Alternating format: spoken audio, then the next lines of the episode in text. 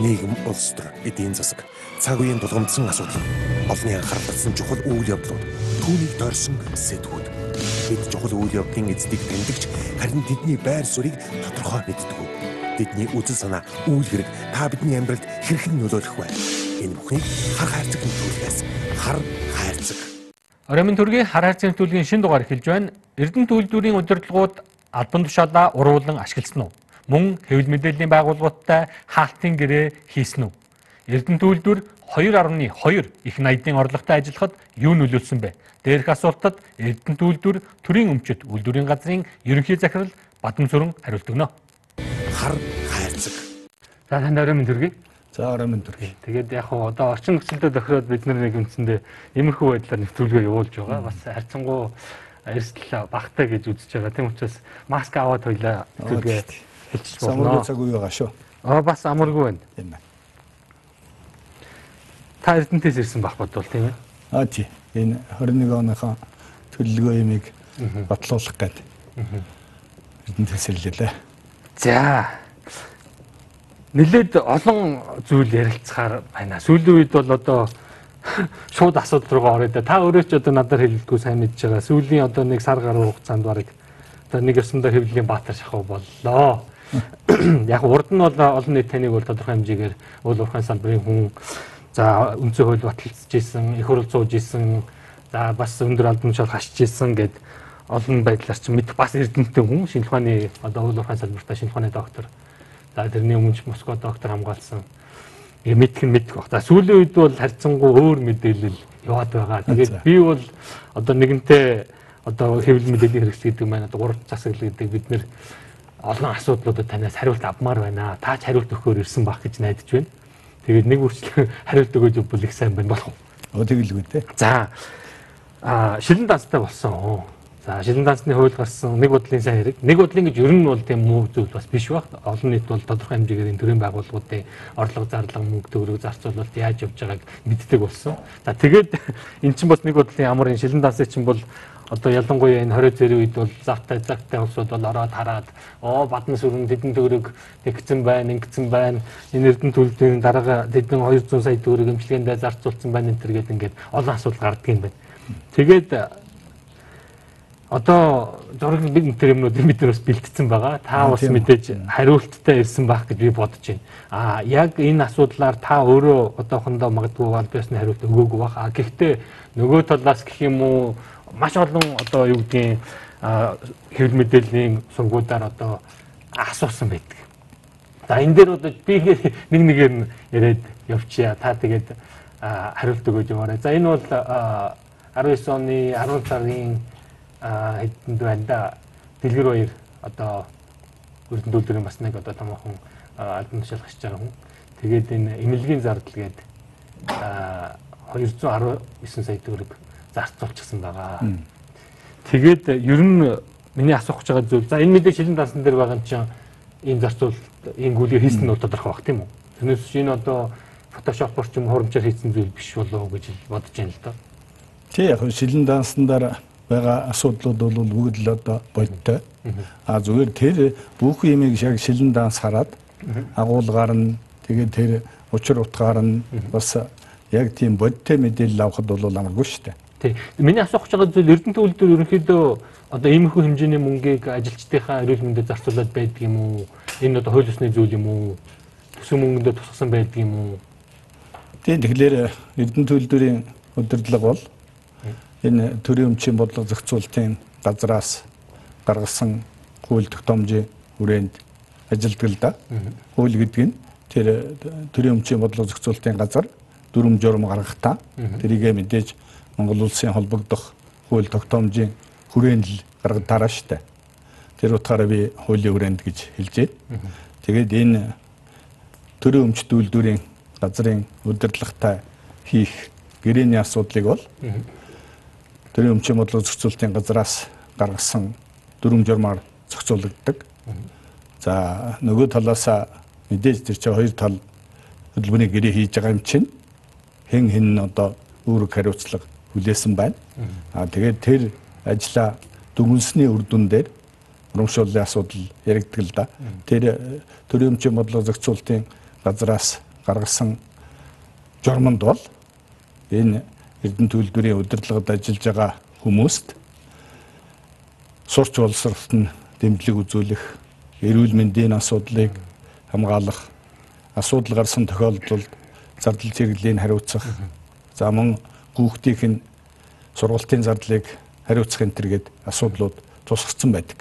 Тэрний хүрээнд л одоо дэлгэрэнээр захирлын асуудал шийдэгдсэн юм л судалгаа. Аа дэлгэрэнээр захирлын одоо нэгэнтээ мөнгөний тухай асуудал ярьж байгаа учраас бас энэ эрүүл мэндийн зардал нь баг биш мөнгө байна л да. Нэг 2 сая төгрөгийн эмчилгээ биш. Тэгэхээр одоо хаана ямар эмчилгээ хийлэгдсэн бол эрүүл мэнд нь одоо ямар байгаа юм бол тухайн үед ямар байсан юм бол үнэхээр одоо тийм ноцтой эрүүл мэндийн одоо асуудалд орсон юм болов. Тий, тэгэхээр ер нь бол дэлгэр баяр захирал бол төрд олон жил ажилласан хүн. Энэ нийгмийн даатгалын чиглэлээр олон жил ажилласан. За тэгээд Орхон аймгийн засаг дарга хийж ирсэн. Бас хийсэн юмтай, хэлэх юмтай юм л хүнлээ. Тэгээд Эрдэнэ төлөвлөрийн ерөнхий захирлын нийгмийн асуудал эрхэлсэн орлогчоор ажиллаж байгаа. Тэгээд одоо амьдрал энд янз янзэл юм жаргал зовлон байх юм доо. Тэгээд дэлгэр баяр одоо тэр хүний эрүүл мэндтэй холбоотой асуудлыг нэх нарийн яриад вэ? Ер нь тийм гинт одоо эрүүл мэнд нь модож эргэтэн шилжүүд солиулах болол тэрийг л хийсэн. Тэгээд тэрнийг нь бол одоо хөдөлмөрийнхөө гэрээний дагуу Эрдэнэ төлөвлөөр хариуцж хийсэн. Тэгээ одоо бас бурхан өршөөж одоо эрүүл мэнд нь сайжирсан сайн болсон. Одоо эрүүл сарвал ажиллаа хийгээд явж байгаа. Тийм учраас зүгээр нэгэнт манай хамт олон нэг хүнийхээ нэг одоо төрд олон жил ажилласан энэ ажилтны эрүүл мэндийг сайжруулж одоо үнэндээ л амь насыг аварсан доо. Тийм л ажил байгаа. Бусад одоо албан хаагчдаа бас ингэж зарцуулдаггүй. Ер нь бол Эрдэнэт бол 6000 орчим албан хаагчтай илүү ажилчинтай илүү нэлээд олон ажилчинтай шүү дээ. Хэлэх юм бол эрүүл мэндээр эрүүл мэндийн тодорхой хэмжээгээр одоо тулгымцсан асуудал тохиолдсон үед бол зөвхөн дарга нарт биш гэж би асуух гээд байна л да. Тий, тэгээд э, ер нь бол Эрдэнэ төлөвлөр бол хөгжлийн төлөө, хүний төлөө л үйлдвэр шүү дээ. Одоо явагдаж байгаа үйл ажиллагаач тийм. Тэгэхээр энэ э, Эрдэнэ төлөвлөрт ажиллаж байгаа хүн болгон хөдөлмөрийн гэрээтэй. За хөдөлмөрийн гэрээ бол хүн болгонтой хийгдэнэ. А тэгтээ тухайн хүний дадлаг, туршлага, ажилласан байдал, эрдэм боловсрол Тэгэл хариуцж байгаа ажлын ачаалал, ач холбогдол. За Эрдэнэ төлөвлөрт бол ач холбогдлого ажил гэж байхгүй. Тэгэл тэр чинь одоо яг тодорхой нэг ажлыг хариуцаад өөрөө салли хөлс аваад ажиллах уу? Олонний төлөө, үйлдвэрийн төлөө, хамт олонны төлөө ажиллах уу гэдээ янз янзын биелдэ. Тэгэл тэр саяын миний дурдж хэлсэн шалгуураар энэ нөхцөл байдалтай уялдуулаад хөдөлмөрийн гэрээ контракт бол Янз янз байна л доо. Энэ одоо ийм энэ мөнгөнд нь дээд хэмжээнд төрж байдаг юм болов хэмжээ заагаагүй байдаг юм? Тий, тэр э, юуны хувьд бол ер нь ерөнхий байдлаар тэр түрүү би бас дурдчилсан тий. Төрийн өмчийн бодлого зохицуулалтын газрын гаргасан журам байгаа. А тэрний дагуу тэнд одоо ямар асуудлаар туслан дэмждэг үзүүлж болох уу гэдэг тэр л хүрээнд яригдана. Энэ ийм уламжлал жишг угаасаа байсан хэрэггүй.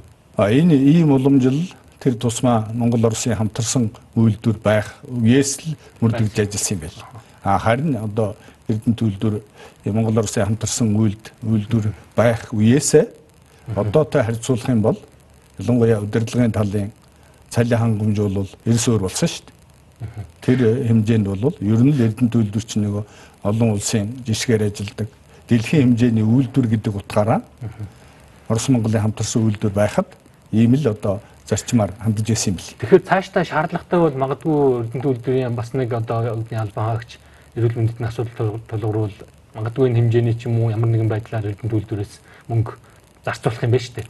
Тийм Эрдэнэт үйлдвэр бол ерөөсөө нийгмийн хариуцлага өндөр түвшинд авч явдаг үйлдвэр.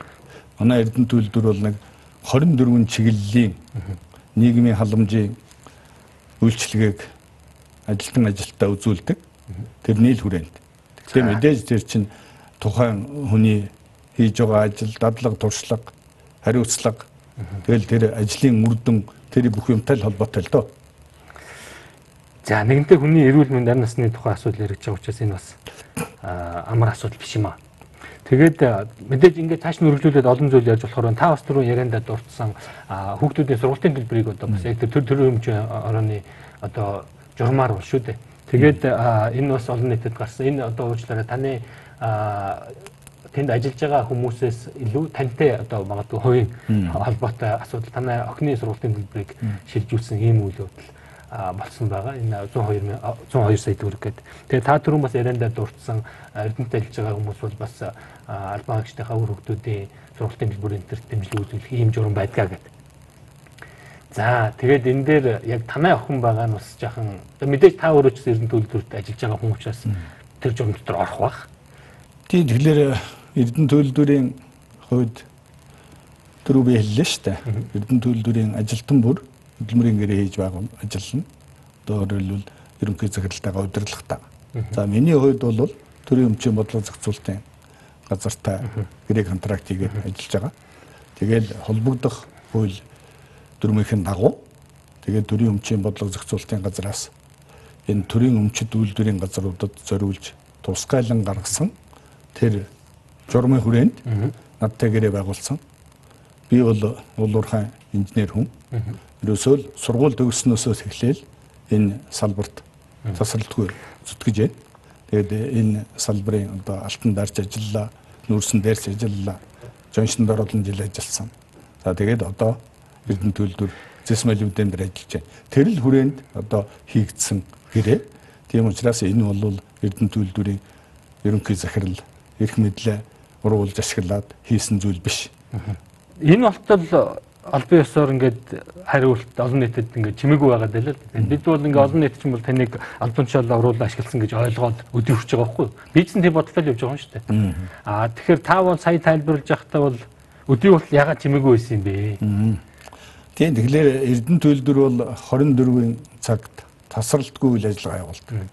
Ерөөсөө Эрдэнэ төлөвлөр бол яг технологийн горимын дагуу 1 минут секунд зогсох учиргүй ингээ зогсох юм бол одоо ерөөсөл хүнээр бол зүрхэл гэсэн үг шүү дээ. Тэгээ ингээ зогсох юм бол асар их зардал гарна, хор хохирол гарна. Тийм учраас Эрдэнэ төлөвлөрийнхээ 24 цагийн тэр ажилтай л одоо уйлдаж ажилдаг. Үйлдвэрийнхээ горимыг л удирдлагынч дагаж ажилдаг. Тэнд ажиллаж байгаа ажилтнч, ажилчинч дагаж ажилдаг л ийм л. Тийм учраас бол мэдээж одоо хэвлэл мэдээллийн асуудлаар янз янзын юм гардаг. Сошиалор. Тэгээ энэ бүхэнтэй чинь наан цаана гээд ам болоод байх. Тийм одоо зав чөлөө цаг зав үндэ байхгүй маа. За ойлгож байна тэрийг. А тэгэхээр яг энэ таныг албан тушаалаа уруулан ашигласан үгүй юу гэдэг асуудлыг би энэ тогтоохгүй баг. А магадгүй одоо тодор шаардлагатай бол хэрэг үүсгээд шүүхтэр ч юм уу албаныхан мэрэгжлүүд энийг тогтоох байхаа. Тэгээ би одоо энэ дээр үнэхээр тийм дүрм журмын хүрээнд байдаг бол нэг хэрэг. Гэтэ би нэг зүйлийг тодруулчмаар байна. Эрдэнэт үйлдвэрийн ажилчдтайгаа байгуулсан гэрээ ёсоор хэрвээ одоо эмчлүүлэх бас үр хөвгүүдийн сургалтын төлөх боломжтой байдгийн бол Эрдэнэ төлөвлөлтөд ажиллаж байгаа 6 мянган хүний үр хөвгүүдийн сургалтын төлбөрийг бүгд төлсөн байх уу? Тэд нар бүгдөө төлөвлөх хэрэгтэй байх уу? Монгол болоод гадаадад. Тий, зарчмын хувьд бол ерөөсөө Эрдэнэ төлөвлөлтөөр бол Монгол Улсын хамтарсан үйлдвэр байхдаач иймэрхүү асуудлыг зохих одоо дүрм журмынхын дагуу шийдээд ирсэн. Одоо ч бас л шийдээд явж байгаа шүү дээ. Тий, тийм л асуудал. Тэгээд Эрдэнэ төлөвлөлтөөр энэ одоо ерөнхий захирал миний хувьд бол ямар нэг одоо хууль тогтоом зөрчсөн дүрм журмаас гадуур хийцсэн асуудал байхгүй. Аа тэгээд энэ асуудлыг одоо бас холбогдох хууль хяналтын байгууллагад нөгөөд тэгээд э, тэр асуудлыг одоо үзэж шалгаж байгаа. Тэгээ мэдээж тэр чинь хууль тогтоомжийн хөврөөнд шалгах дүгнэлт гар тараа шүү. За таны тайлбарыг ойлголоо. Бас нэг олон нийт сонирхоод асуумаар байгаа. Би ч хувь хүний үднээс жоохон гайхсан гэх юм уу да. Энэ саяхан бас нэлээд сенсац болоод авсан.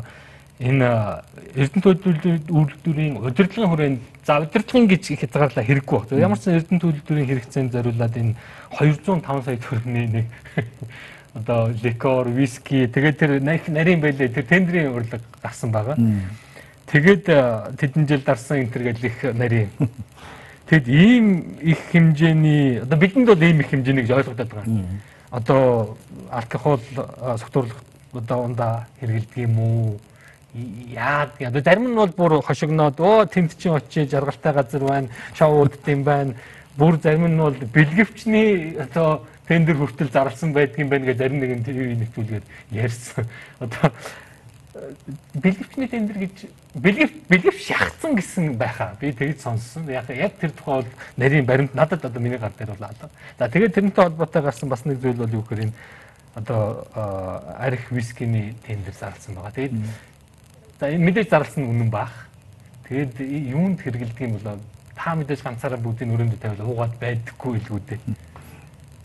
Тийм тэглэр өөрөө тэр ариг дарсны асуудал ярих завсраа бас бэлгэвчний гэдэг асуудал ярьчлаа. Тэгэхээр Эрдэнэ төлөвлөр одоо бэлгэвчээр явах те. Жуул уурхайн үйлдвэр шүү дээ. Тэгээд ми лавл миний үед тийм асуудал яригдаачгүй, тийм асуудал байгаачгүй. Тэгэхээр зүгээр Эрдэнэ төлөвлөр одоо 40 гаруй жил ажиллаж байгаа үйлдвэр тэр олон жилийн хугацаанд ямар байсныг одоо бүх юм чинь бол бас үр дүннийхийг сөхөөд би бол одоо менежер хүний хувьд, инженер хүний хувьд урагшаа харж л ажилтдаг. Тэр утгаараа бол тэр асуудлыг бол би мэдэхгүй. За зүгээр арих дарсны хувьд бол Эрдэнэ төлөвлөр анханасаа их тийм өргөн цар хүрээтэй байгуулагдсан үйлдвэр. Уулын байж болох үйлдвэрийн хувьд бол энэ Эрдэнтийн овооны буянтай одоо орд буянтай буурлуулыг түшээд байгуулагдсан. А тэгэлэр Эрдэнэ төлөвлөрийг барьж байгуулахад бол тэр Эрдэнэт одоо тэр сайхан уулыг чинь одоо эзгүй хэрл байлаа шүү дээ. Байсан. А тэр Эрдэнэ төлөвлөрийн одоо анхны ээлж орох гэж байх үед бол жишээлбэл би сургуулаа төгсөөд ирж исэн. Тэгээд сургуулаа төгсч очоод Эрдэнэ төлөвлөртөө одоо хувь заяага холбоол яам тамгад ажиллаж байсан шүү дээ. Биологи улуурхай үйлдвэрийн яамд. Тэгэл тэр байдлаас нь үзэх. Тэгэл эхнээсээ бол одоо орос ах нар ч бас амин даарч чатай асуудлыг цогцоор шийддэг болсон. Тэгээд энд Эрдэнэ төлөвлөр бол ерөөсөө одоо Эрдэнэ төлөвлөрийн дэргэд чинь спортын бүхэл бүтэн цогцлоор ажиллаж байна. Амралт сувиллийн газар ажиллаж байна. Тэгээ өөрийн чинь сая хэлж байгаа бол Эрдэнэт одоо амралт сувиллийн цогцлоор бий. За тэнд бол одоо тэрний дэргэд бол өнчин хүүхдийн асрамжийн газар ч байгаа. За тэгээд зочид буудал байна, ресторан байна, дэлгүүрүүд байна. Тэгээд тэр амралт совиллийнх нь яг нэрэндээ тохирсон тэр үйлчлэгээ байна. Тэгэхээр энэ бол сая өөрөө чи ярьдаг арх дарсны асуудал бол Эрдэнэ төлөвлөрийн удирдлага өөрийнхөө хэрэгцээнд авцсан үйл биш. Эрдэнэ төлөвлөрийн дэргэд байгаа тэр амралт сувиллийн газар бол дөрвөн одоо цэгээр энэ арх дарсны асуудлыг борлуулдаг. Тэгээд тэр л хүрээндээ авсан. А тэгээд энэ түрүү бол өөрөө бас дурдж ярьсан шилэн дансны асуудал. Тэгээд энэ шилэн дансны хуулийг хэрэгжүүлэх асуудлыг чинь Эрдэнэ төлөвлөр манлайлаад ажилтсан. А тэгээ магадгүй одоо бүх юм ингээд ил тад болоод ирэхлээр бас нэг талаасаа одоо сонирхоод ингээд явдаг баг. Тийм учраас энэ Эрдэнэ төлөвлөрийн тэр одоо амралт сувилийн амралтын газрын тэр одоо зоогийн газар аа тэгээд дэлгүүрээр бол зөвхөн арх дарс биш одоо 8 нэрийн бараа энтергээл яригддаг штэ тэргээр л яад одоо шийдэгдсэн хийгдэж байгаа асуудал. А нөгөө талаас урд нь ягаад ийм асуудал байгаагүй юм шиг магадгүй зарим хүмүүсүүд ойлгож байж магадгүй. Энэ бол байсан. А тэгтээ ил тод байгаагүй л байхгүй. Энд төрийн өмчт үйлдвэрийн газар болоод Эрдэнэ төлөвлөрийн бүх худалдан авах ажиллагаа тэр одоо техник технологи асуудал нь а тэгэл тэр энэ одоо хүн соолтой асуудал нь тэр арх дарстай холбоотой асуудал тэр одоо ресторан тэр зоогийнхан газар зориулсан амралтын газартаа зориулсан нь бол бүгд одоо тендерээр явж байгаа. А энэ төрийн болон орон нутгийн өмчийн бараа тавар энэ одоо бараа таварыг э, худалдаж авах асуудал чинь бол бас л нарийн хууль тогтоомжоор явдаг. Тэгээд дэрний чи ингээд салгаж авч болохгүй. Тэгэл нэг л жилийн хэрэгцээний за яг тэр өөрөө арх дарсын онцлж асуугаад байна. А тэрний ярих юм бол нэг 19 авдар одоо архины асуудал шүү дээ. Тэгэл тэр нь тэр одоо цэгүүдээр худалдаалагдана, борлуулагдана. А тэр э, одоо борлуулж байгаа дэлгүүр оршоогоор нь бол Эрдэнтийн урхайчч үйлчлүүлнэ, Эрдэнэт хотынхан ч үйлчлүүлнэ, явсан суусан зочин гээчж үйлдвэрлэн тэгтэрэ тэр чинь бол хэл өргөн хүрээний асуудал шүү дээ. Тэгээ энд бол одоо зориуд тэмдэглэж цохож асууж байгаа учраас энэ бол Эрдэнэ төлөвлөрийн удирдлага өөрсдийнхөө хэрэгцээнд авсан аригталс биш ээ. Тэрийг одоо зөв ойлгоосаа гэж хүсэж байна. За бас тодорхой тайлбар өглөө. За ингээ хар хайрцаг хэвлэлийн маань эхний хэсгийн төрөд өндөрлөж байна. Тун утгагүй дараагийн хэсгээ тавхан төрөх болно. Ингээд олон нийтийн дунд асуулт болоод үлдсэн өөр олон зүйл байгаад наа. Одоо надаар хэлүүлдэг олон нийт сошиалаар тараад мэд. Та зарим нэг нь үдсэн ч байж магадгүй. Энэ дараагийн би тэгээд үргэлжлүүлэх гэж нөгөө жагсаалтаа. Та тэгээд аль болох тайлбарлаад юу зүгээр. Энэ нэг 510 сая төгрөгийн G class машины асуудал байгаа даа маа. За тэгээд ундаг дугуй бас байна 20 сая төгрөгийн нэмтэй энэ төр гээд. Тэгээд энэ машин за мэдээж Эрдэнэ төлөвлөөр одоо олон машин тоног төхөөрөмж хэрэгэлдэг бах таны өөрөө албандаа ундаг машин чинь ямар машин байдгийг энэ 512 сая төгрөний G class юм уу? Өөр машин ундаг юм уу? Бас олон нийтэд мэдээлэл болгоо сонирхуулж байгаа. Нөгөө талаасаа бас э, улсын мөнгөөр өөртөө юм үнэтэй машин авлаа гэж дарганаар нэлээд их шүүмжлүүлдэг. Энэ та ганцаараа биш байх л да. Тэгээ би л таны ямар машин ундаг гэж асуучмаар. Ямар ч байсан одоо сүүлийн жилүүдэд хамтарсан үйлдвэр байхтаач за нэг хэсэг чинь энэ Оросын талын эзэмшижсэн 49%-ийг Монголын зэс корпорац судалж авсан. Тэгэл тэр л бүхэл үед бол одоо 570 машин л өмж байсан. А тэгэл тэр л машин нь одоо тэгэл э, би одоо албаны машин шүү дээ. Өөртөө авсан 570. Энэ G class биш юм уу 560 сэдвүүний? А тэр э, G class-ийн асуудал э, одоо сошиалар яваал гараад байна л да. Тэгэлэр энэ Эрдэнэ төлөвлөр бол одоо бид бүх үйл ажиллагаа нөгөө дэлхийн том компаниудтай уулуурхайн чиглэлийн банк санхүүгийн байгууллагатай ажилладаг. Тэгээд тэр утгаараа бол Эрдэнэ төлөвлөрийнхээ одоогийн үйл ажиллагааг зайлшгүй одоо цаашид өргөжүүлэх.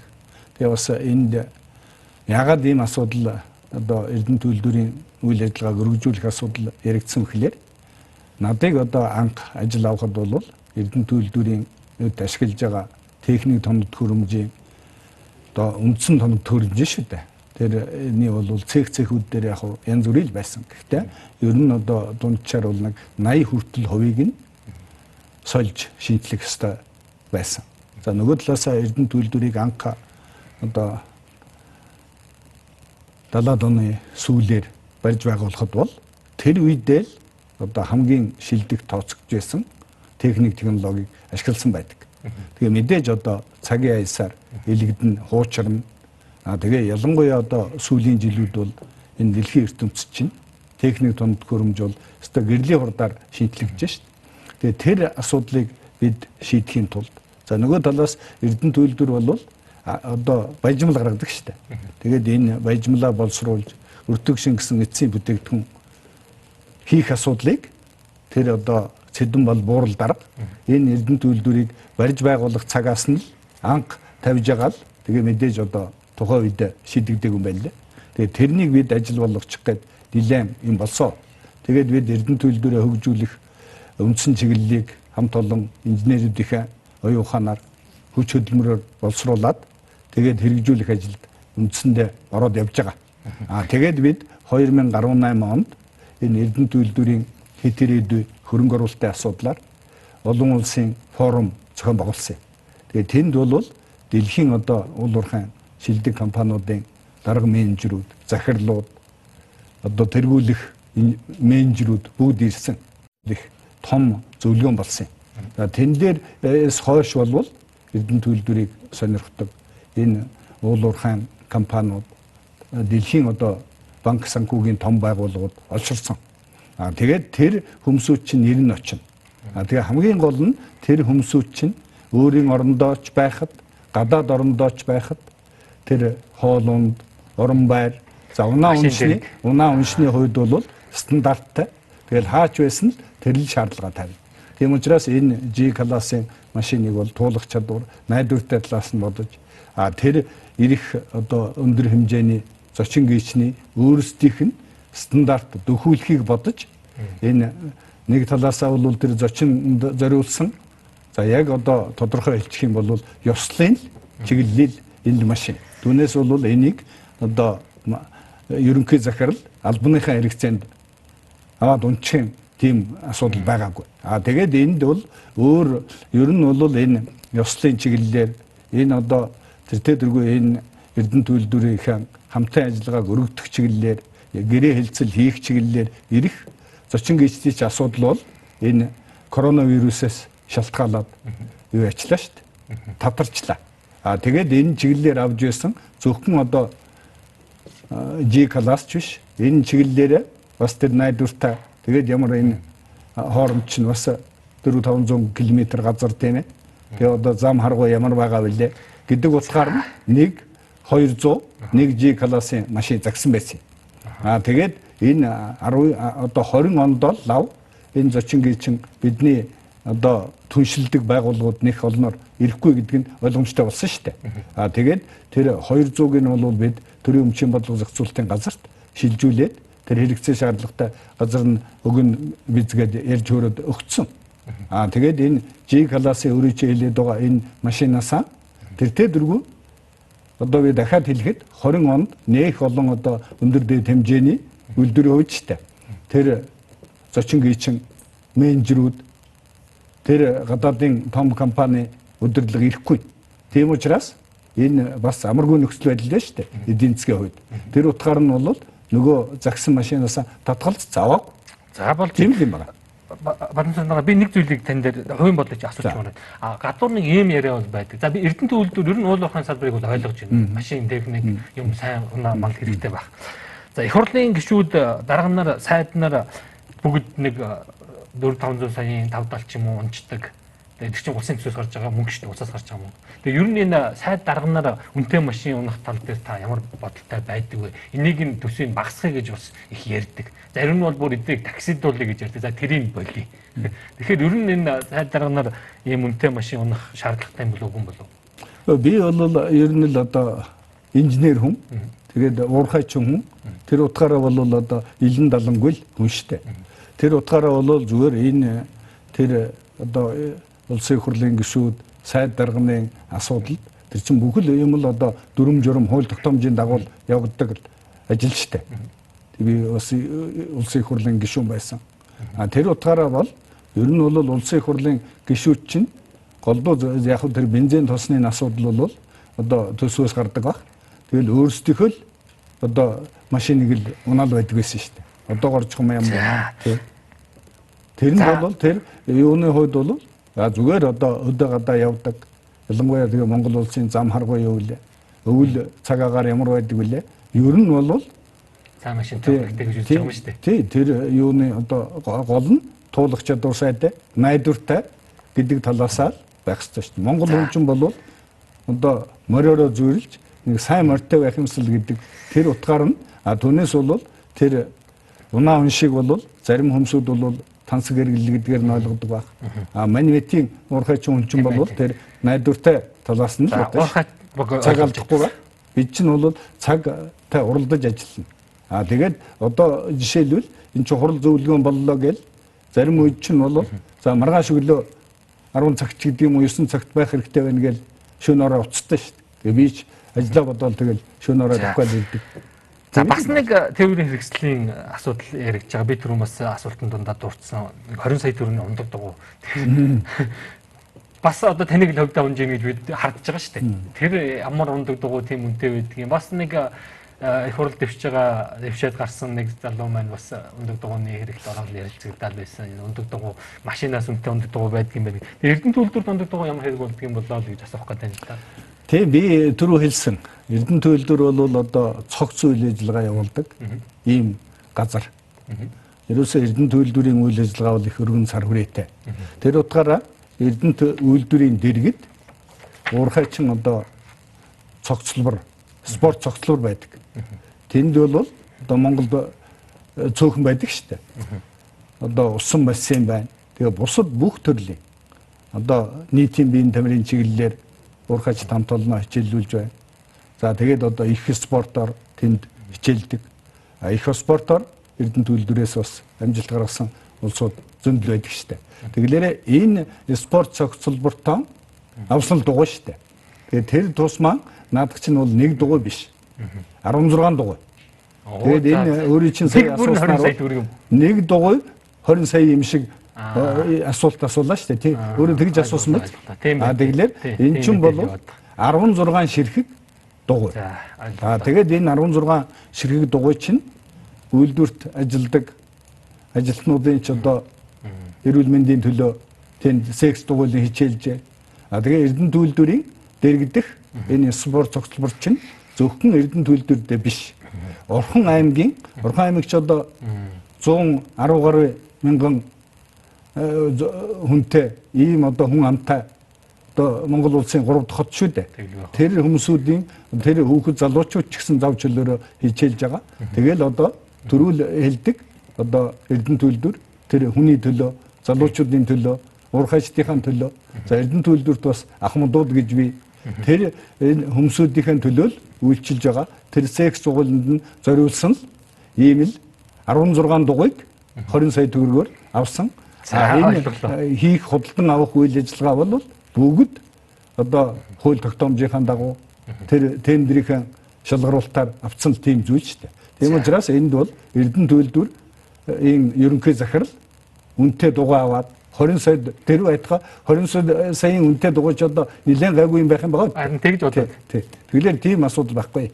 За тэгэхээр зураг бас үзүүлэх байх. Энэ шилэн дансан дээр ундаг дугуйл гэдэг үг байгаа. Ундаг дугуйны тоо бас байхгүй байгаа. Тэгээд яг уу нөгөө хардд сэрддэг, мөрддөг, мөшөгдөг, сэтгүүл зүйн байгууллагад ажилладаг бид нар биднийг сонсдог олон нийт чинь нэг ундаг дугуйг л авцсан гэж ойлгоод байна. Тэгэхээр энийг бол одоо ийм байдлаар та ирээд ингээд хэвлэл мэдээллийн байгууллагт тайлбар өгчдөг зарим талаар бол маш их ач холбогдолтой санагдаж байна. Энэ дээр бол яа харахгүй бид нэг дугуй гэж ойлгож байна. Би бол сайхан таныг хэлэхгүй нэг дугуй авчиад гэж ойлгож байна. Тэгэл их л мундаг олимпиад оролцох ундаг дугуй юм үнэтэй байдаг байх гэж бодож байна. Та өөрөө оролцох юм уу? Танаа хүн бэлдэж байгаа юм уу? гэдэг л ийм олон асуулт үлдээ. За нэг ийм зүйл байна. Эрдэнэт үйлдвэрийн удирдлагын зардал одоо сүүлийн жилүүдэд бол нэмэгдээд байгаа. 18 онд бол 100 тэрбум, 19 он 130 тэрбум гэдэг ингээд явж байгаа.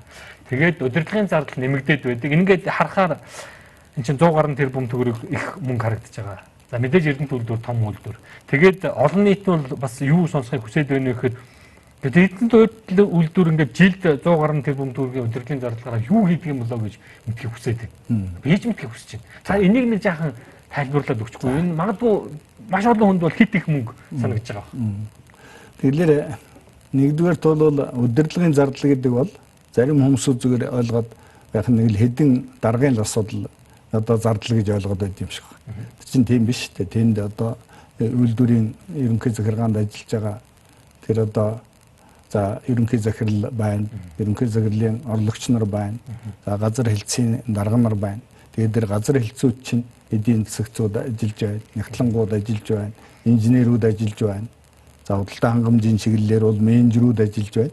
Тэр л одоо бүхэл хүмүүсүүдийн зардал штэ. Тийм учраас ер нь бол энэ удирдлагын зардал гэхлээр л нэг 2 3 даргын зардал юм шиг ойлгодог. Тэр бол ташаа ойлголттой. За нөгөө талаасаа энд ямар асуудал гарсан гэхлээр Эрдэнэ сүүлийн жилүүд би бол одоо өөрийгөө ажиллаж явах хугацааны л юм яри. Тийм учраас энэ хугацаанд бол өртөг зардал бол өссөн байхгүй. А харин ашиг орлого бол өссөн. Тэгэхээр энд яагаад ийм асуудал гарсан гэхлээр ерөөсөө Эрдэнэ Эрдэнэ төлөвлөр хариуцлагатай хязгаарлагдмаар хариуцлагатай компани байсан шүү дээ. Одоо 19 он хүртэл. А тэнд одоо тухайлбал 18 оны аудитыг Ernst Young гэдэг олон улсын аудитын компани хийсэн байгаа. А тэгээд тэнд хийхдээ бол энэ одоо нөөцийн төлбөртэй холбоотой асуудал, усны төлбөртэй холбоотой асуудал, үндсэн хөрөнгөний төлбөртэй холбоотой асуудлыг тэрнээс өмнө бол юу гэж байсан вөхлөөр энэ ерөнхий ба удирдлагын зардалд одоо тэр ангилалд бүрддэг байсан ба. Аа тэгээд энэ олон улсын аудитын компани бол энэ одоо одоо энэ бүртгэлээ өөрчлөх хэрэгтэй юм аа гэсэн зөвлөмж өгсөн байна. Байд юм байл. Аа тэгээд тэр зөвлөмжийн дагуу энэ зардлыг одоо бүтээгдэхүүний өөрийн өртөгт тэр өөрийн өртгийн ангилалд тооцож баланстаа тусгасан. А дараа нь 19 онд бол Эрдэнэ төлөвлөр төрийн өмч төлөвлөрийн газар болсон. А тэгтээ тэгээд бас мэдээж 19 оны тайлан баланс аудит тараа штэ. А тэндээс зөвлөмж өгтөө бол энэ зардлаа хуучнаар нь одоо тэр ерөнхий удирдлагын зардалт нь суулгах ёстой маа гэдэг асуудал гараад тэр зөвлөмжийн дагуу эргээд тэр ангиллыг өөрчилсөн. А тэгээ тэгэхэд бол харин эсэргээрээ тэглэр чин тэр балансын бичлэлтээс шалтгаалж гарсан ийм ойлголт. А нөгөө талаасаа тэгээд үзэх юм бол 18 оныг 19 онтой харьцуулахад бол удирдлагын зардал өссөн биш. Эсэргээрээ 8 орчим тэрбум төгрөгөөр буурсан байхгүй. Тэгээ эн чинь бол бид энэ өртөг зардлыг бол хямгаж байгаа. Тэгээ яг дараа нь би боломж гарвал бас эдийн засгийн үзүүлэлтэд хэлнэ. Тэндээс одоо харагдах ба. Нэг зүйл нэг асуултыг бид одоо хэвлэл мэдээллийн байгууллага учраас асуухгүй гэж юусоо чадахгүй байна. Энэ нэг 300 сая 350 сая төгрөгийн одоо хэвлэл мэдээллийн байгууллагатай хамтран ажиллах юм уу? Бид бол Эрдэнтийг хаалтын гэрээ хийхээр мөнгө шилжүүлсэн ч юм болоо гэж хардтахал нэг юм зүйл болчиход байгаа. За тэгэл энэ дотор тэр бас одоо холбоод асуухад президент PR гэдэг компани за одоо таныг бас их нэлээд ярьсан Улаанбаал нэвтрүүлгийн Лодо самбугийн оюу эзэмшдэг компани энэ гэдэг ярьсан. Тэгээд Эрдэнэт үйлдвэр энэ 350 сая төгрөгийн хэвлэл мэдээллийн байгууллагуудтай яах гэж ямар зорилгоор явуулсан юм уу, хамтарч ажилласан юм уу, хаалтын гэрээ хийсэн юм уу, ямар мөнгө юун зориулсан юм уу гараад ирсэн юм бэ? Манай телевиз бол хаалтын гэрээ хийдгүү телевиз. Ялангуяа энэ хаалтын гэрээний асуудал дээр бол их одоо эсэргүүцдэг ийм нэг байгууллага л да. Тийм учраас асууж байгаа. Тийм, зарчмын хувьд хэлэхэд бол хаалтын гэрээг эсэргүүцдэг нь бол танай телевизийн зөв. Би бол их одоо сайшааж их тийм сэтгэл өндөр хүлээж авч байна. Тэгээ Эрдэнэ төлөвлөрт бол одоо эхлээд хэлчихэд бол хаалтын гэрээ гэж байхгүй. За За Эрдэнэ үйлдвэрийн талаар өөрөө ч гэсэн одоо нэлээд олон асуудлуудыг сонирхож асуулаа шүү дээ. Өөрөө ч өвөж ч гэсэн бас их өргөн цар хүрээтэй үйл ажиллагаа явуулдаг ийм одоо хүний хувьд бол зарим асуудал бас тодорхой биш байгаа юм чинь а нийт одоо олон нийтэд Монголын ард түмэнд сонирхдаг асуудал байна шүү дээ. Тэр утгаараа бол бид хэвлэл мэдээллийн байгууллагатай гэрээтэй ажилладаг. Тэгээ хаалтын гэрээ бол биш. Тэ энэ бол хаалтын гэрээ биш. Эрдэнэ төлөвлөр бол хэвлэл мэдээллийн байгууллагуудтай хамтар хамтарч ажиллах л одоо гэрээтэй шүү дээ. Тэр гэрээ бол тэгээ магадгүй одоо тийм хэвлэл мэдээллийн байгууллагыг бол би бас мэднэ.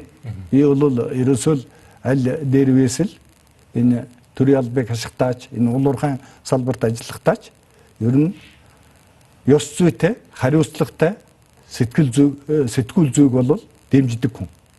Тэгээ тийм байгууллагуудтай одоо хамтраад ажиллаж байгаа. Тэр нь болохоор Эрдэнэ төлөвлөрийн үйл ажиллагааг энэ олон нийтэд ард түмэндээ хүргэх. За нөгөө талаасаа Эрдэнэ төлөвлөрийн үйл ажиллагаа бол ил тод байгаасаа гэж би хүсдэг. А магадгүй Эрдэнэ төлөвлөр хамтарсан үйлдвэр байхдаа Орос Монголын засгийн газар хоорондын хилцээрийн дагуу үйл ажиллагаа явуулж ирсэн шүү дээ. Тэгэлэр тэр хилцээрийн дагуу бол магадгүй одоо Өөрөөр хэлбэл хилцээр нь Монголын хууль тогтоомжоос давуу үйлчлэлтэй байсан байхгүй юу? Тийм учраас тэр утгаараа бол арай тийм хаагдмал байсан байхыг үүсэхгүй. Тэр утгаараа бид энэ эрдэнэ төлөвлөрийг бол хэвлэл мэдээллийн байгууллагатай холбогдож ажиллана. Аа тэгээд өөрийнхөө үйл ажиллагааг тэгээд энэ нийгмийн чиглэлийн үйл ажиллагаагаа орон нутагт энэ хөгжил дэвшилд ямар юм оруулж байна гэдгээ. За тэгээд мэдээж бол хэвлэл мэдээллийн одоо бүхэл төвшингийн байгууллагууд хэвлэл мэдээллээр дамжуулж ил тэр өөрийнхөө үйл ажиллагааг сурчлах ажил байна, таниулах ажил байна, ойлгуулах ажил байна шүү дээ. Тэрийг л хүргэдэг. Тэр л хүрээнд бид ажиллаж байгаа. За тэгээд э, ялангуяа одоо Эрдэнэ төлөвлөр энэ төрийн өмч төлөвлөрийн газар болоод 19 оноос бол манай бүх үйл ажиллагаа түрүү одоо бидний ярилцсан тэр шилэн даасанд бүгд байж байна шилэн даансанд гэснээс бол тэр шилэн даансанд байгаа ганц хоёр өгүүлбэрээр тухайн асуудлын агуулгыг бас бүрэн ойлгох хэцүү шүү дээ. Тэр утгаараа бол шилэн даансны хуулинд энэ шилэн дансны үйл ажиллагаа энэ үйлдвэр аж ахуйн газарт бол иргэн хүн хяналт тавих эрхэн нэгдсэн шүү дээ. А тэгтээ ямар нэгэн асуудал байх юм бол холбогдох төрийн байгууллагад нь хандаад тэр байгууллагаар дамжиж одоо нэмэлт мэдээлэл авах юм уу илүү одоо дэлгэрэнгүй танилцах боломжийг олж авах хэрэгтэй. А тэр тухайлбал одоо төрийн байгууллага гэхлээр аудитын байгууллага бол тэрэнд нь хариу өгөх асуудал бас хуулиар зохицуулагдсан. Тэр л хүрээндээ явах хэрэгтэй. Тэгэхгүй бол нэг одоо өгүүлбэр нэг одоо шилжүүлгийг ч юм уу харчаал тэгэл түрүү бол өөрөө тодорхой асуудал ярьлаа шүү. Тэгэл тэр тэр тусмаа өөрийн чинь төвшингийн хүн 16 дугуйг нэг дугуй гээл одоо ойлгоод явж явах жишээтэй байна шүү. Тийм учраас энд бол шүүмжлэлийг хүлээж авч байна. Тийм энд бол тэр одоо хэвлэл мэдээллийн байгууллагатай хаалтын гэрээ байхгүй. Хамтаа ажиллагааны гэрээтэй. Тэгж байж Эрдэнэ төлөвлөр улам илүү ил тод үйл ажиллагаа нь нээлттэй болно гэж бид ойлгож байгаа шүү дээ. А нөгөө талаас энэ тендерийн асуудал байж байгаа. Тэгээд тендерийн чи асуудлыг тэр зар сурталгаагаа тавина. Нөгөө тэгхгүй бол тендер гिचээ хэвлэл мэдээлэл чимээгүй байж хагаад тендерийг зарлаж болохгүй шүү дээ. За их баярлалаа. Шингийн асуудал бий. За ер нь ойлголоо тайлбарыг хүлээн авлаа. Их тодорхой тайлбар өглөө. Нэвтрүүлгийн маань хоёр дахь хэсгийн түрээд өндөрлөж байна. Маш өгөн хугацааны дараа үргэлжлүүлээ та бүхэн нэвтрүүлгээ хөрөх болно. Миний одоо асуух гэж байгаа асуултанд би бол таныг буруутгаж бол шууд буруутгаж бол чадахгүй. Яг тэгэхээр таны өмнө удирдлага байсан улсуудын хийсэн би бол алдаа гэж бодож байгаа. Хувийн үүднээс олон нийт төсөл гэж бодож магадгүй. Та миний юу асуух гэж байгааг баг газарлаж байгаа байхаа. Энэ Жастин Батгүйгээд нөхөр одоо Эрдэнтийн дарга нартай бас одоо юу гэдгийг холбогдоод тэгээд батлан даалт хийлгээд хэмжээний одоо мөнгө зээлж авсан стандарт банкнаас. За тэгээд харамсалтай энэ хүн маань өрөө төлж чадаагүй. За ингээд тодорхой одоо тэр шүүх цагдаагийн байгууллагаараа ялж итгэлээ хүлээж байгаа. За харамсалтай нь Эрдэнэт үйлдвэр за тэр үед та дарга болчихсон байсан. Тэр мөнгийг нь төрж төлж барагдуулсан гэж бид ойлгоод байгаа. Нэгд төлж барагдуулсан уу гэдгийг маш тавчхан асуучмаар байна. За. А хоёрт миний танаас сонирхоод байгаа бас асуулт бол юу гэхээр ер нь ингээд улсын байгууллага хин нэгэн хувь хүнд хувь компанид батлан даалт гаргаж өгөөд хэмжээний мөнгө тэгээ эргээд тэрийг мөнгийг нь улс төлж байгаа байхгүй да. Одоо эрдэнэ гэдэг чинь улсын үйлдвэр шүү дээ. Тэгээд ингээд ийм жишг энэ бол анхны тохиолдол биш л дээ. Энэ Монголд нэг зөөхөн зөөхөн ийм тохиолдол байсан. Тэгээд энэ нэг томоохон дарга нартай улс төрийнхөнтэй хэлхий холбоо одоо танил талаа ашиглаад ингээд үндсэндээ улсын мөнгийг шамшигдуулна гэж одоо социализм үед ярьдаг байсан да. Ийм үйл явдал болчих юм шиг харагдаад байгаа байхгүй юу? А төлж барагдуулах үйл явцад бол та оролцсон. Тийм учраас би таныг бол та өрийн тавьсан батлан даалт гаргаж өгсөн бол биш. Учраас би таныг шууд одоо ингэж буруутгаж чадахгүй. А гэхдээ яг харахгүй эрдэнэ төлөвлөр төлөхөөс өөр аргагүй байдалд орцсон байх. Одоо олон улсын арбитрийн шүүхэн төрөөр ч юм уу. А гэхдээ төлсөнд нь бол би жаахан өн хүн улсыг хохирож байгаа юм шиг санагдаад байгаа байхгүй юу? Яагаад хувийн компани өөрийг улсын компани төлөх ёстой? За ямар ч төлөв барагдчихсан уу? Тийм тэгэхээр эрдэнэ төлөвлөр Just Group-ыг зээл авахт нь одоо баталгаа гаргаж өгсөн гэдэг асуудлаар эрдэнэ төлөвлөрийг буруутгаж олон улсын арбитрийн шийдвэр Лондонд гарсан байдаг. Аа тэгээд тэр шийдвэр бол 2013 онд гарсан юм бэл. Тэгээ надыг эдэн төлөвлөрт очиж ажиллахад гэсэн энэ асуудал яригдчихсэн. Тэгээ мэдээж одоо бас монголчууд ярьдаг штэ. Хүн хэлээрээ мал хөлөөрөө гэж. Тэгээ бас нэг яриа хөрөө хийгээд хилцэл хийгээд болчих байлгүй гээд бас тодорхой хугацаа өнгөрсөн. Аа тэгэхэд бол үндсэндээ Лондон арбитрийн шүүх гэдэг бол тэгээ тэр тусмаа одоо хатан хааны дэрэгдэх шүүх гэдэг бол амар юм бэл. Тэр тийм ба. Тий. Тэгээд тэр чинь одоо 2019 он гэхэд ерөөсөө Эрдэнэ төлөвлөрийн мөнгө уурсгалыг зогсооно хөрөнгө битүүмжилнэ гээд одоо олон даад давхгүй асуудал тавигдсан. Ер нь үйл ажиллагааны зогсоон зогсооход тийм ер нь л зогсооход хүрх юм байна гэдэг нь ойлгомжтой болсон. Тэгээд мэдээж тэр тухайн үед нь тэр асуудлыг бол шийдээгүй бол эдэн төлөвлөр өнөөдөр ямар байх юм? Энэ хамт олонны үйл ажиллагаа яаж явагдах байсан гэдэг. Улсын төсөв шүү дээ. Үнэхээр бол одоо би бол тэр үед бол үнэхээр би айсан. Тэгээд энэ арга сүвчилсэн. Тэгээ мэдээж одоо бид тэр стандарт банкныхантай ширээний ард суух энэ одоо аргыг л сонгож авсан. Тэгээ бид Лондонд уулзсан. Аа тэгээд бид яасан гэхээр тэг яг тэр үед чинь 2019 оны ихэр бол энэ үндсэн төлбөр хүү торгуул нийлээд 120 сая доллар болцсон байсан шүү дээ. 120 сая доллар гэдэг чинь их мөнгө шүү. Эрдэнэ төлөвлөрт хүртэл их мөнгө. Эрдэнэ төлөвлөр бол том үйлдвэр гэхдээ их мөнгө. Тийм учраас энэ асуудал бол үндсэндээ Эрдэнэ төлөвлөрт аюул авчирсан. А тэр тусмаа Эрдэнэ төлөвлөр төрийн өмчт төлөвлөрийн газар болцсон байсан цаг үе шүү дээ. Болж болох гэж байсан цаг үе. Тэгэхэд бол энэ одоо төрийн өмч гэдэг утгаараа бол улс оронд ч гэсэн эрсдэл авчирсан. Ийм л байсан. А тэгээд бид энийг хилцэл хийж нэлээд амаргүй яриа хөрө болсон. Тэгээд тэнд бол 120 сая долларыг бид гурав дахин багсгаж бууруулж буюу 40 сая доллар төлсөн. А 40 сая доллар төлөөд тэгээд мэдээж 40 сая доллараар төлчих. Дараа нь нөгөө үрд өмнө нь гарсан арбитрийн шүүхийн шийдвэр энэ бүхний чинь одоо хүчингү болгох. Тэгээд тэрийг бол бүгдийг нь одоо олон улсын хууль тогтоомж дүрм журмын дагуу хийгдэх ёстой.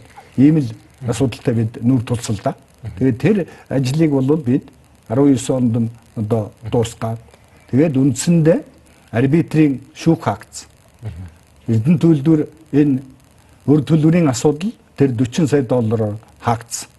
Тэгээ мэдээж одоо би төрийн өмч төлөвлөрийн газрын захирал хүн тэр утгаараа бол засгийн газартаа нөхцөл байдлыг танилцуулж өдөрдөн чиглэл авж байж тэр саяын одоо дурдж хэлсэн гэрээ хэлцэлд ор тараа штэ. Тэгээд мэдээд тэрнийг хийсний дагуу ирээд одоо засгийн газартаа танилцуулсан төрийн өмчийн бодлого зохицуулалтын газараараа мэдээ дамжиж яригддаг л штэ эрдэнэ төлбөрийн асуудал. А тэгээд тэрэнд нь бол бидэнд бол засгийн газар бол ямар үүрэг чиглэлийг холбогдох байгууллага эрдэнэ төлбөрт өгсөн гэхлээрэ ерөөсөө тэр 40 сая доллароо одоо буруутай этгээдүүдээс гаргуулж авах. Тэр нөхдүүдээс авж эрдэнэ төлбөрөө улсаа хохирлгүй болгох ийм чиглэл өгдсөн. А тэрний дагуу мэдээж одоо ялангуяа энэ дээр бол засгийн газрын хэрэглэх газар. Засгийн газрын хэрэглэх газрын чинь одоо ч тэр үед оюун эрдэнэ сайд толгойлж байсан. Одоо ч толгойлж байгаа. Тэгээ оюун эрдэнэ сайд бол бас их хүчин чармаалт гаргаж ажилласан. Тэр үеийн шадар сайд инг төвшин дарга тэр ажлын хэсгийг ахалж исэн. Тэн дээр бол бас их хүчин чармаалт гаргаж ажилласан. Тэгээ ямар ч байсан бид Эрдэнэ төлөвлөр засгийн газрынхаа дэмжлэгтэйгээр энэ тэр 40 сая доллар төлөөд тэгээ ямар ч байсан гадаад талдаа асуудалгүй болгосон. Тэр өөр хаагдсан. Аа тэгээд мэдээж засгийн газраас өгсөн чиглэлийн дагуу нөгөө 40 сая доллароо буруутай этгээдүүдээс олж авах асуудал үлдсэн. Олж авсан уу? Тэрийг болохоор бид холбогдох хууль тогтоомжийн дагуу тэгээ мэдээж одоо буруутай этгээд хэмбэ гэдгийг чинь шүүхэл тогтоо штэ. Тэгнэр тэр шүүх хурл бол бас энэ ялгуултай тэмцэх газар за тэгэл прокурорын зөвшөөр энэ төргээл тэгэл шүүхээр орно гэд нилээн цаг хугацаа зарсан. Тэгээд саяхан энэ хурл болсон. Анхан шатны шүүх хурл. Тэгээ анхан шатны шүүх хурл бол Just Group-ээс 138 тэрбум төгрөгийг Эрдэнэ төлөвлөрт олго гэдэг шийдвэр гарсан. Тэгээд одоо энэ мэдээж тэр хууль хяналтын байгууллага Just Group-ийн хөрөнгө мөнгө хаана одоо ямар их усүрээс энэ 140 шахам тэр өм төгрөгийг одоо олгох юм гэдэг нь тэгэл одоо хууль хяналтын байгууллагын төвшөнд л шийдэгдэнэ. Ямар ч байсан бид бол шүүхийн анхны шийдвэр гарцсан. Ийм л байдалтай явж байгаа та тэр 40 сая долларыг олж авч чадна гэж бодож байна уу? Би бол чадахгүй гэж бодож байна. Одоо нэгэнт шүүхийн шийдвэр анхан шатны шүүхийн шийдвэр гарчлаа шүү дээ. Тэгээ шүүхийн шийдвэр чинь одоо иргэнч бай албан байгуулагч биелүүлэх үүрэгтэй учраас Тэр компани чинь дам шилжил тарах баг. За тэрийг тэгээд одоо хууль хяналтын байгууллага учир начрын олох байлгүй дээ. За яг хөө. Би таны хувь хүний чинь нэг байр суурийг сонсч марах. Ер нь ингэж а хувийн компани өрийг улсын компани төлөх чинь зөв юм уу? буруу юм? Тэгэлэр энэ бол одоо зүгээр л ху- хувийн компани өөрийг төрийн компани, улсын компани төлцсөн асуудал бол биш шүү дээ. Үнэхээр Эрдэнэ төлөвлөрийн аврахын тулд А тийм ээ. тий тэр утгаар нь ямар ч байсан тэрийг төлсөн. Аа тэгээд эргээд Эрдэнэ төлөвлөрийн хувьч Эрдэнэ төлөвлөрийн удирдлага хамт олон тэгж үзэж байгаа. Засгийн газарч тэр буруутай этгээдөөс нь олж авах. Тэгээ ямар ч байсан энэ хууль хяналтын байгууллага одоо тэр холбогдох хууль тогтоомжийнхаа хүрээнд нэгэнт одоо буруутай этгээдийн тогтоочлоо. А тэгээ шүүхийн шийдвэр гарчлаа. Тэглэр нөгөө нэг монголчууд ярьдаг штэ. Үнэхээр одоо тэр мөнгө э, буруутай этгээдээс олж авах ажил бол нөгөө нэг нохойн дуу ойртож байна гэж ярьдаг штэ. Би бол тийм л одоо бодолтой байна. Тэр төлцнийг бол би буруутгаж асуусан юм биш л дээ. Ер нь одоо чинь батлан гаргаа өгч байгаа шүү дээ. Тэгээд нөгөө хүн төлж нөгөө компани төлж чадахгүй учраас улсын компани төлөх төлөхөөс өөр аргагүй байдалд орчиж байгаа. А ер нь цаашдаа ийм одоо жишг тогтоод аль нэг хувийн компани магадгүй Эрдэнэ төлөвлөрийг би нэг компанитай бай таныг дахиад нэг хэдэн 100 сая долларын ч юм уу батламж гаргаад өгчөөч гэдэг үл та гаргаж өгөх үү жишээ. Би бол ерөөсөө л миний зарчим бол хууль тогтоомжийн хүрээнд л ажиллах хэрэгтэй. А би бол жишээлбэл гаргаж өгөхгүй. А тэгээд тэр түрүү гаргасан гаргаагүй гэдэг асуудал чинь бас л асуудалтай юм байлээ шүү дээ. За одоо нэг а, арай гоё гэх юм уу бас нэг сайхан мэдээ байна л да. Эрдэнэ төлөвлөрийн а, ашиг нэмэгдээд байгаа. Ашигтай ажиллаад байгаа. Мэдээж ингэж ашигтай ажиллаж байгаад би бас танд болоо танай байгууллаганд баяр хүргэмээр байна. 2.2 их найдын орлоготой ажилласан. Энэ бол бас их одоо мундаг ажилласан. А гэхдээ энэ дээр яагаад ийм их орлоготой ашигтай ажиллаад байна вэ гэдэг асуудал байна. Мэдээж та бүхэн сайн ажиллаж иж болно. А зарим нөхдүүд бол Эрдэнэ төлөвлөр сайн менежменттэй сайн ажилласан хэрэг огт байхгүй. Зэсийн үн өссөн учраас л ингэсэн. За мэдээж зэсийн үн дэлхийн зах зээл дээр өссөн учраас орлого ашиг нэмэгдэх нь бол тодорхой. А нөгөө талд нөгөө нэг э, их олон жил э, одоо яригдсан, худалдаад авсан байсан Монголын зэс э, компани чинь улсын болголоо шүү дээ.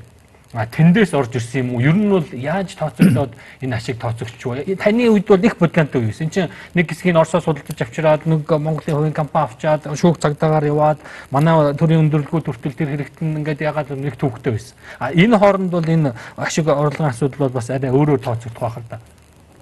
Тийм нэглээр өөртөө чинь би санал нэг байна.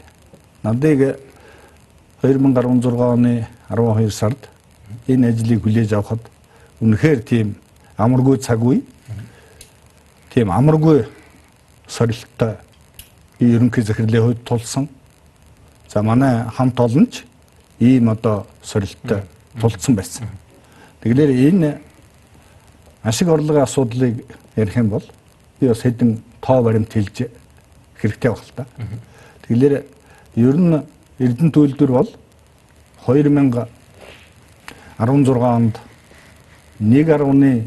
1.3 тэрбум а, э, 1.3 их найд 1.3 их найд төгрөгийн борлуулалттай ажиллаж улс орон нутгийн төсөвт 184 тэрбум төгрөгийг төвлөрүүлсэн байдаг.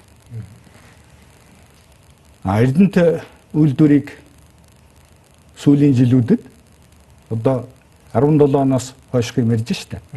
Тэгэд бол Эрдэнэ төлөвийн удирдлагч манай хамт олонч ерөөсө энэ монголчуудын нэр төрийн хэрэг болоод байна. Хэрв Эрдэнэ төлөвлөр муу ажиллах юм бол энэ монголчууд чинь бадамсрын гэхгүй штэ. Энэ монголчууд чинь одоо нөгөө хэдэн орсоо хөөж явуулчаад ээж чаваастай гэж тэр муу ажиллах юм.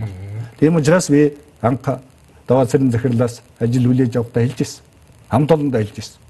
Эрдэнэ төлөвлөр бол цааш ядаад Монгол Оросын хамтарсан үйлдвэр байснаас илүү ажиллаж чаддгүй юм ихэд ядаад тэр төвшөнд ажиллах хэрэгтэй гэж.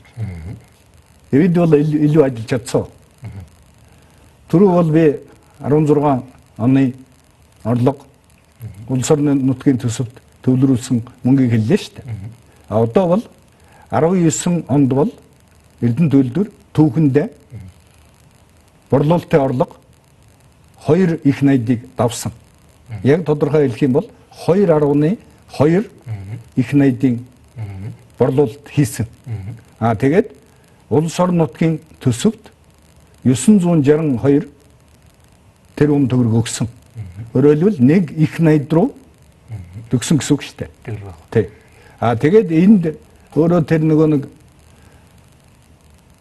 яаж 2.2 яаж болчвол гэдэг юмыг асуугаад байна шүү дээ. Тэнд болохоор Эрдэнэ үйлдвэр би бол уулуурхай инженер мэрэгжлийн хүн.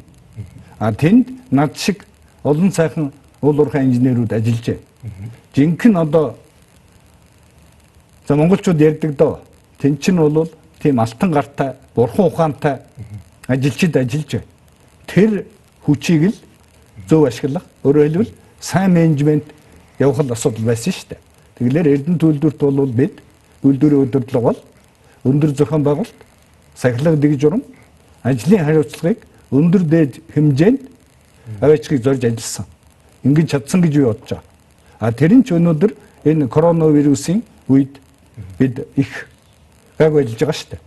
Тэгэлэр энд бол ерөөсөө ийм амаргүй цаг үед бол хамт олонны эв нэгдэл Тэгээ ёс зүй гэдэг юм бол бас их чухал байна.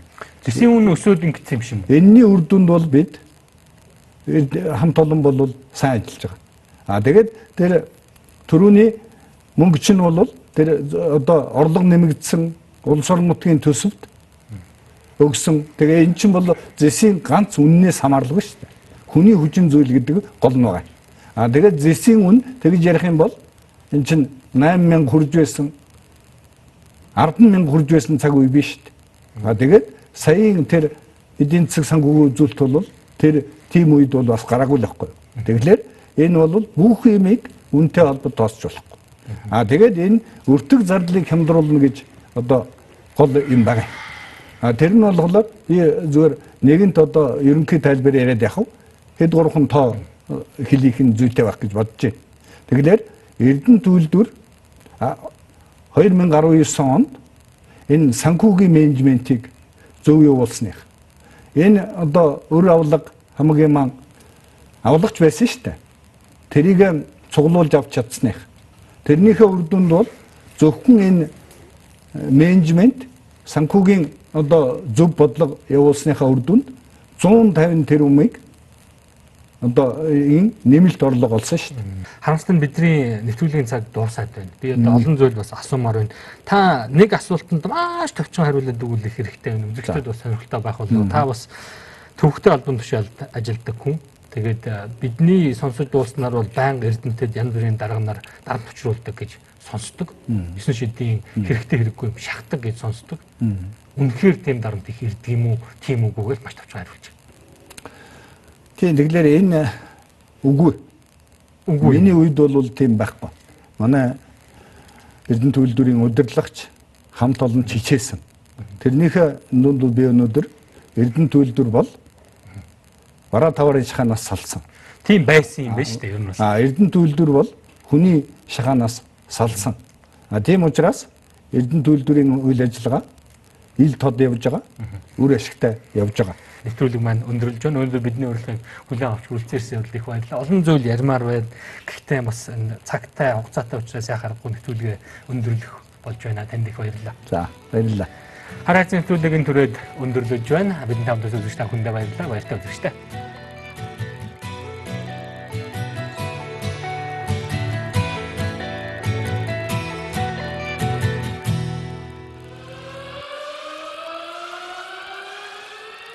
Нийгэм, улс төр, эдийн засаг, цаг үеийн тулгамдсан асуудал, олонний анхаарал татсан чухал үйл явдлууд, түүнийг дорсон сэтгүүд. Бид чухал үйл явдлын эздийг тэмдэгч харин тэдний байр суурийг тодорхой мэддэг. Бидний үзэл санаа, үйл хэрэг та бидний амьдралд хэрхэн нөлөөлөх вэ? Энэ бүхнийг хар хайрцаг нөлөөлөхөөс хар хайрцаг